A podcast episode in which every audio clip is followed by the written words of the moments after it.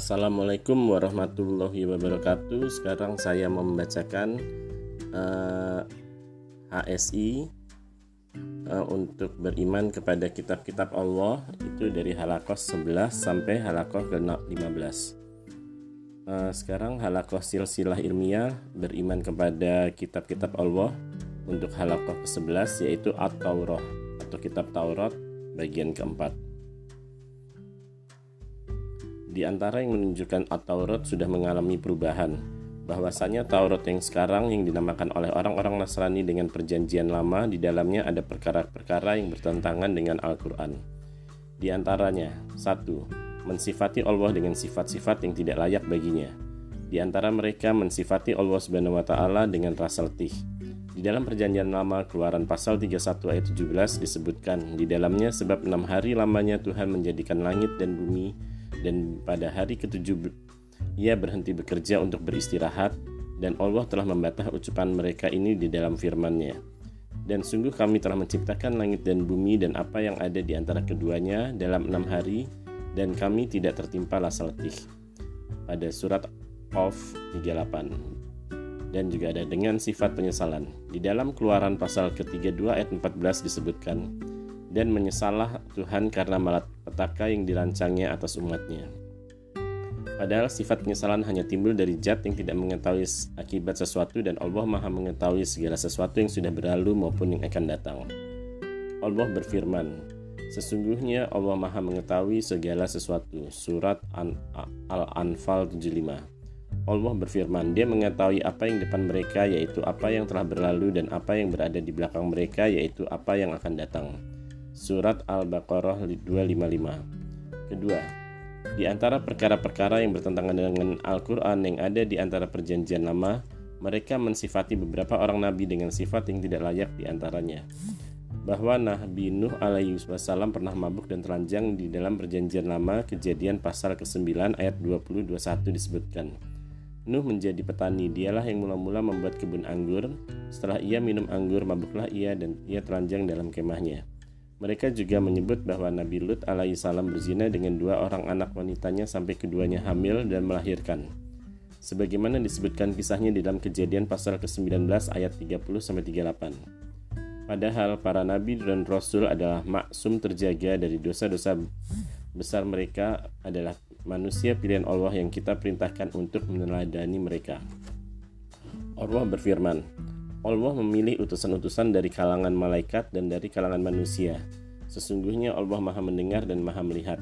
Surat Al-Hajj 75. Allah berfirman, mereka yaitu para nabi adalah orang-orang yang telah Allah berikan petunjuk maka dengan petunjuk mereka hendaklah engkau meneladani. Surat Al-An'am 90. Itulah yang bisa disampaikan pada halakoh ke-11 yaitu At-Taurah bagian keempat. Sekarang kita untuk halakoh ke-12 yaitu tentang kitab Injil bagian ke-1. Ada yang mengatakan bahwa kata Al-Injil berasal dari bahasa Yunani yang artinya kabar gembira. Di antara kabar yang kita ketahui tentang Al-Injil di dalam Al-Quran dan Al-Hadis. Al-Injil diturunkan kepada Nabi Isa alaihissalam. Allah berfirman, Kemudian kami susulkan setelah mereka yaitu Nabi Nuh dan Nabi Ibrahim Rasul-Rasul kami dan kami susulkan pula Isa putra Maryam dan kami berikan Injil kepadanya. Surat Al-Hadid 27 Al-Injil diturunkan untuk membenarkan At-Taurat mengikutinya dan tidak menyelisihinya. Allah berfirman, dan kami susulkan setelah mereka dengan Isa putra Maryam yang membenarkan apa yang datang sebelumnya berupa kitab Taurat dan kami berikan Injil kepadanya di dalamnya ada petunjuk dan cahaya dan Injil tersebut datang untuk membenarkan kitab yang datang sebelumnya yaitu kitab Taurat dan petunjuk serta nasihat bagi orang-orang yang bertakwa. Surat Al-Maidah 46. Kitab Injil isinya mengikuti isi Taurat kecuali dalam beberapa hukum yang sedikit. Allah berfirman menceritakan ucapan Nabi Isa kepada Bani Israel. Dan aku membenarkan kitab yang datang sebelumku yaitu Taurat dan aku menghalalkan sebagian dari apa yang sebelumnya diharamkan atas kalian surat Ali Imran 50. Berkata Ibnu Katsir ketika menafsirkan ayat ini. Katsir. Oleh karena itu yang masyur dari dua pendapat ulama bahwa Injil menghapuskan sebagian hukum-hukum Taurat. Datang di perjanjian baru Injil Matius pasal 5 ayat 17-19 yang menguatkan hal ini disebutkan di dalamnya bahwa Nabi Isa berkata, "Janganlah kamu menyangka bahwa aku datang untuk meniadakan hukum Taurat dan kitab-kitab para nabi. Aku datang bukan untuk meniadakannya, melainkan untuk menggenapinya. Karena aku berkata kepadamu, sesungguhnya selama belum lenyap langit dan bumi ini satu huruf, dan satu titik pun tidak akan ditiadakan dari hukum Taurat sebelum semuanya terjadi. Karena itu, siapa yang meniadakan salah satu perintah hukum Taurat sekalipun yang paling kecil dan mengajarkannya sedemikian kepada orang lain, ia akan menduduki tempat-tempat yang paling rendah di dalam kerajaan surga. Oleh karena itu Nabi Isa berkitan sebagaimana dalam perjanjian baru Injil Lukas pasal 2 ayat 21 yang demikian karena beliau alaihissalam mengikuti syariat Nabi Musa alaihissalam sebagaimana disebutkan di dalam perjanjian lama kejadian pasal 17 ayat 9 sampai 14. Adapun Paulus dia telah merusak ajaran Nabi Musa dan Nabi Isa dan membatalkan hukum sunat mengatakan bahwa sunat adalah sunat dalam hati sebagaimana dalam perjanjian baru Roma pasal 2 ayat 24 sampai 29. Itulah halakoh untuk halakoh 12. Sekarang kita akan ke halakoh ke-13 yaitu tentang kitab Al-Injil bagian 2. Di antara kabar yang kita ketahui tentang Al-Injil di dalam Al-Quran dan juga hadis-hadis Nabi Shallallahu Alaihi Wasallam. Ketiga, tentang sebagian terkandung di dalam Al-Injil. Allah Subhanahu wa taala menyebutkan di dalam kitab Injil adalah kabar gembira tentang kedatangan Nabi Muhammad sebagaimana dalam Al-Quran Al-A'raf 157. Demikian pula penyebutan sifat sahabat Rasulullah pada Al-Fat 29 dan juga menyebutkan dalamnya bahwa Allah memberi jiwa dan harta orang yang beriman dengan surga. At-Taubah 111. Dan di antara kabar yang kita ketahui tentang kitab Injil dalam Al-Quran dan Al-Hadis, keempat diturunkannya kitab Injil malam tanggal 14 Ramadan. Rasulullah bersabda, dan Taurat diturunkan setelah enam hari berlalu di bulan Ramadan yaitu malam tanggal 7 dan Injil diturunkan setelah 13 hari berlalu di bulan Ramadan yaitu malam tanggal 14. HR At-Tabrani di dalam Al-Mujamil Kabir dan dihasankan oleh Syekh Al-Abani rahimahullah. Perlu diketahui bahwa Al-Injil yang ada sekarang bukanlah Injil yang asli yang diturunkan kepada Nabi Isa alaihissalam. Al-Injil yang Allah turunkan kepada Nabi Isa tidak diketahui bekasnya. Yang ada hanyalah tulisan orang-orang yang tidak jelas riwayat hukumnya dan tidak ada syanat yang syahid. Yang mereka hidup berpuluh-puluh tahun setelah Nabi Isa diangkat oleh Allah. Sehingga banyak kesalahan dan perbedaan yang banyak sekali di antara Injil-Injil tersebut. Oleh karena itu mereka menamakan Injil-Injil tersebut sesuai dengan nama penulis penulisnya seperti Injil Matius, Markus, Lukas, Yohana dan lain-lain. Dan mereka tidak mengatakan bahwa itu Injil dari Isa alaihissalam. Sekarang kita akan ke halakoh ke-14 yaitu tentang Al-Injil bagian ketiga. Di antara kesalahan yang ada di dalam Al-Injil yang tersebat sekarang adalah penyebutan nasab Nabi alaihi salam kepada laki-laki. Sebagaimana dalam Injil Matius pasal 1 ayat 1 sampai 17 dan di dalam Injil Lukas pada pasal 3 ayat 23 sampai 38. Padahal Allah telah mengabarkan di dalam Al-Quran bahwa Nabi Isa alaihissalam lahir dari seorang wanita tanpa disentuh laki-laki Seorang wanita yang salihah bukan wanita pejinah, bukan wanita yang bersuami. Sebagian tanda kekuasaan Allah Subhanahu wa taala. Allah Subhanahu wa taala berfirman, Maryam berkata, "Bagaimana aku memiliki anak laki-laki padahal tidak ada laki-laki yang menentukan dan aku bukan wanita penjina?" Jibril berkata, "Demikianlah dikatakan oleh Rabbmu." Dia berkata, yang demikian mudah bagiku dan supaya kami jadikan dia yaitu Isa sebagai tanda kekuasaan kami bagi manusia dan sebagian sebagai rahmat dari kami dan itulah perkara yang sudah diputuskan dalam surat Maryam 20:21. Oleh karena itu Allah menyebutkan di dalam Al-Qur'an Isa bin Maryam sebagaimana dalam surat Al-Baqarah 87 dan juga yang lain. Al-Masih bin Maryam sebagaimana dalam surat Al-Maidah ayat 17 dan juga yang lain. Al-Masih Isa bin Maryam sebagaimana dalam uh, Quran Ali Imran ayat 45 dan juga yang lain. Apa yang tertulis dalam Injil yang sekarang justru membenarkan akidah orang Yahudi yang mengatakan bahwa Nabi Isa Isa adalah anak zina.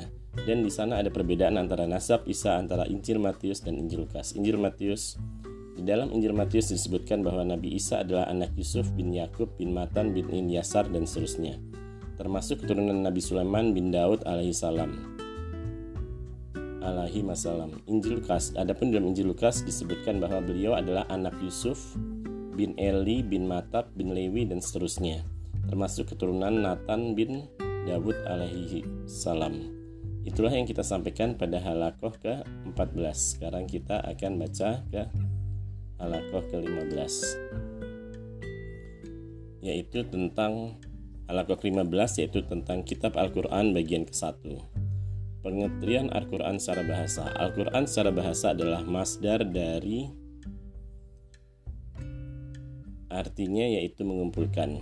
Dinamakan demikian karena Al-Quran mengumpulkan kisah-kisah, perintah-perintah, larangan-larangan, pahala dan juga ancaman dan juga mengumpulkan ayat-ayat serta surat-surat satu dengan yang lain.